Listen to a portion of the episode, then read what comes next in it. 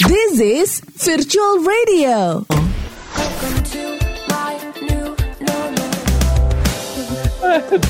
Bon, kembali kembali ke Bondan. Ya, uh-uh. Paling banyak lu uh, voice over itu iklan eh, yang jenisnya apa? Toiletria, obat-obatan atau makanan atau apa pun gitu. Eh, paling banyak mana? susu ya. Susu apa? Ah, susu. susu multitasking. Mesti ngomongnya tuh bukan gitu dong. Lo mesti ngomongnya adalah susu pertumbuhan. Lo jangan ngomongnya dipotong Oh, iya. di susu. Ah, Susu pertumbuhan, bukan pertumbuhan susu. Mas Budi.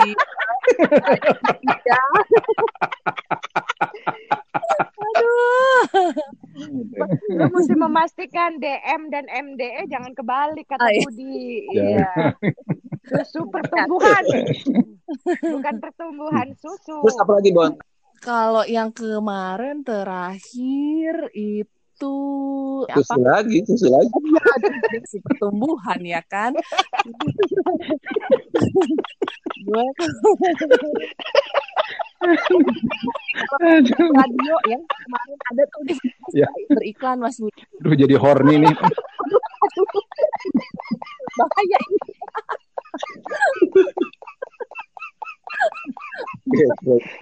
Kembali ke susu, eh kembali ke susu. Malu gue di ini ya Allah. Gue tuh kangen banget loh sama kalian bertiga. Kangennya yang Kembali ke ngomong serius dari soal sejadah sampai haram jadah kita ngomong kayak begini ya tau nggak? Astagfirullah. gue, gue. Oke. Eh, kemarin Sanas bilang bahwa masa eh, new normal ini kita kembali ke hitah atau kemarin masa work from home atau stay at home itu masa kembali ke hitah keluarga kalau Nas sebagai orang ibu gitu ya. Cuma gue perhatiin kan lu ada yang nggak lengkap nih Nas. Pro kan di luar tuh Nas. Tuh gimana rasanya Iya. Nas? Eh, gue punya cerita bagus. Gue baru Aduh. hari ini ya bikin eh, IG live sama Inge Tumiwa Bahren. Nah, terus Oh, dia iya. tuh bikin Iya. buku seko buku tentang pendidikan yang diberi judul unschooling.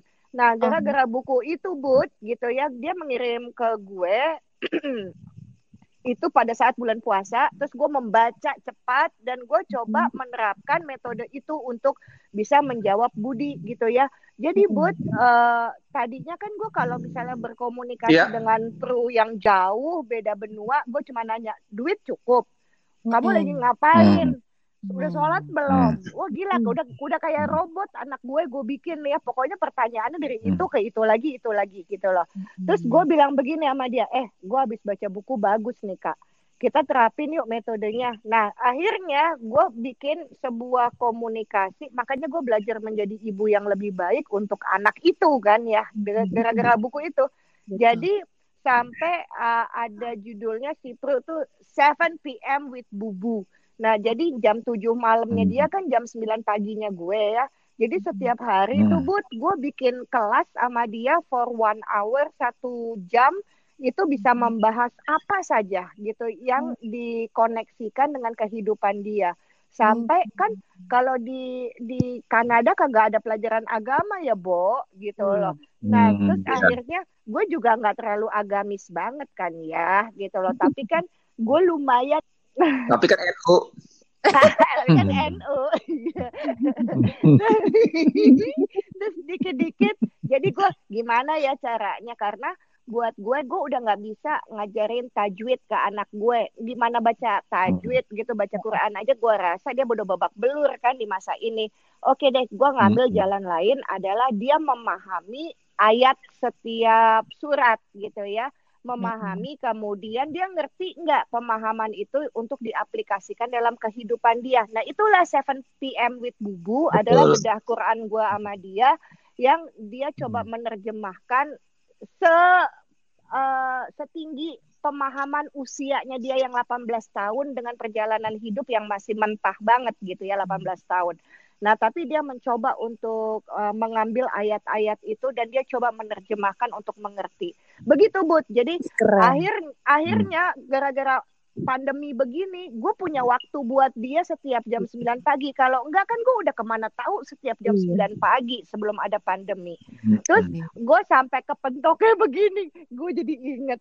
Ibu, dia tanya gini ya, Ini gara-gara si Bondan ngomong susu, jadi gue inget begini sih. Iya, Hmm, Eh, eh, hmm, jadi ada salah satu ayat yang mengatakan bahwa kalau misalnya kita akan ketemu dengan bidadari montok begitu ya. Nah terus Hmm. si Pru bilang begini, bidadari montok. Aku mah nggak suka sama yang montok-montok. Jadi nanti aku gimana begitu. Nah gue agak bingung, gue agak bingung ya jawabnya bagaimana ya gitu kan. Nah, terus dia juga nanya. Nah salah satu NUisme itu kan eh, aku akhirnya bersahabat dan deket sama Cais lah gitu ya. Itu pertemanan kami dimulainya sampai aku deket sama teman-teman NU tuh melalui Cais lah. Nah terus udah gitu gue coba ngebahas soal ayat juga sama Cais lah untuk modalitas gue menghadapi si Pru setiap 7 PM with Bubu itu. Gue nanya, terus katanya eh, si Cais begini, Nas, Nas, mudah-mudahan ya pokoknya lu sama Gilang waktu dia ngedoain eh, anniversary kami kemarin tanggal 5 Mei, dia bilang mudah-mudahan nanti akan bersama sampai jannah. Terus si Gilang bilang gini, Hah, nanti gue ketemu lagi sama si Enas, Cak. Dia bilang begitu. Eh, sialan ya, laki gue, sialan banget. Terus dia bilang, aku nanti di sana ketemu lagi sama si Enas, Cak. Loh ya iya. Lah, terus aku kapan dapat bidadarinya, Cak? Kalau yang datang dia lagi, dia lagi. Udah dari dunia akhirat gitu Mbak bilang. dia udah ngebayangin yang montok kan men- menurut surat itu. Dia udah tahu bentuk gua udah nggak montok lagi udah turun mesin.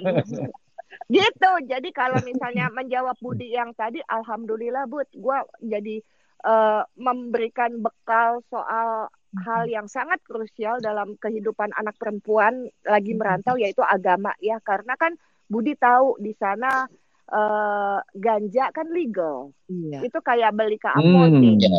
Kemudian kalau misalnya dalam lingkungan eh, tersebut yang namanya seks itu kan umum di mereka kan minum Hmm. minuman keras liker eh, dia udah di batas yang udah bisa minum gue bisa apa buat Hmm. jauh berbeda benua kalau bukan gue kasih fondasi agama dengan cara ini gitu loh jadi gue eh, sesuai dengan tagline ra- tagline radionya Gilang Pambudi sama Budi Utomo look at the bright side gitu ya jadi gue ngelihat bright nih.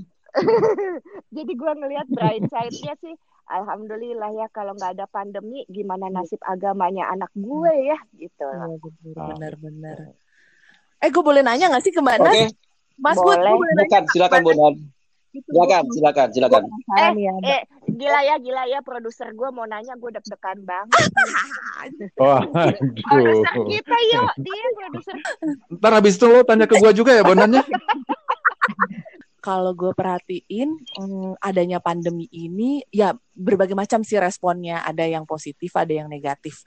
Nah kalau elu Mbak gitu ya menyikapinya itu buat dua anak lo yang di rumah nih buat share sama eh, Mike gitu. Eh, Mm-mm. gimana ya eh, yang hal-hal apa sih yang bikin mengasihkan, yang bikin mereka tuh nggak ah gue nggak betah di rumah, ibu gue nggak asik atau gimana? pada Kalau gue sih gue kabur tuh, gue kabur ya. pada dasarnya itu kan emang gue nyebelin sebenarnya. Nah, gue sesudah pandemi ini jadi berusaha belajar dari mereka untuk lebih mendengarkan, Bon, gitu. Oke. Jadi dulu tuh gue nggak mau denger, gue kan otoriter banget. Tanya aja sama Gilang Pambudi, Gilang aja sampai Iya benar. Cicak gitu kan sekian tahun jadi teman siaran gue bawaannya serangan jantung mulu apalagi anak gue kan lu kebayang anak gue kan aduh nah iya. sekarang gue tuh lagi jadi belajar eh, otoriter gue udah semakin semakin semakin jauh berkurang. Kemudian gue juga lebih belajar mendengarkan anak-anak gue apa mau mereka. Dan setiap mereka ngomong udah gue serap aja begitu. Nanti aja dulu Eh, karena ternyata gue lagi belajar komunikasi itu ada dua bon. Kalau sama anak. Yang pertama adalah lu ngejawab omongan anak lu atau Mhm. yang kedua adalah lu dengerin aja dulu dia ngomong apa karena ternyata Oke. komunikasi itu bukan selalu memberikan feedback ke anak nah itu karena Iya. biar ngurang-ngurangin berantem Iya. terus gue Hmm. ada satu kejadian kan kalau gue kan emang tukang berantem ya nama Jadi, eh, nama tengah gue aja Syahnas bikin masalah hak kan begitu ya. Lu ketawanya jangan begitu dong yo. Aduh. Tapi gue merasain banget sih masalahnya. Eh, dan gue membiarkan eh, pertengkaran itu ada gitu loh Bon. Karena Mm-mm. menurut gue sebetulnya bentuk komunikasi adalah mengeluarkan eh, really you. Lu nggak usah gitu menjadi mesti tertekan dan lu tidak ngomong perasaan lu karena buat gue eh, berdebat itu kan bukan fighting ya. Kalau fighting kan lu betul-betul menghina satu pihak yang lain dan berusaha untuk menekan dia gitu. Kalau berdebat kan adalah salah satu bentuk komunikasi. Ini menurut pendapat versi gue. Nah, jadi pada suatu hari meledaklah gitu kejadian. Gara-garanya sih gue, gue pastilah kalau ada berantem di rumah tuh yang masalahnya tuh gue siapa lagi. Nah, ternyata kobarannya tuh makin kencang, makin lebar, oh makin begitu.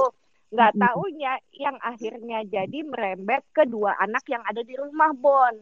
Nah, nggak tahu bagaimana TV jadi pecah lo bayangin. Waduh. gede banget, gede banget nggak tuh api. Habis itu, tapi kan bukan gue yang mecahin, yang mecahin kan salah satu anak gue kan. Ya jadi gue langsung meredakan masalah, terus gue langsung tanya, oke sekarang masalahnya udah begini, lo mau apa? Gue bilang gitu. Kalau misalnya saat itu gue langsung ngebetulin TV itu kan bisa ya Bon, karena kan cuma ngeganti layar yang retak ya. Tapi Iya. kan gue artinya tidak menyelesaikan masalah kan. Anak gue kan nggak belajar untuk menyelesaikan masalah atas perbuatannya dia. Iya. Terus anak gue yang nomor dua kan sekarang udah eh, berkuda kan jadi tukang kuda dia kerjanya di kandang mulu kan. Orang dia lebih mesra ngomong sama kuda daripada sama emaknya kurang ajar kan ya.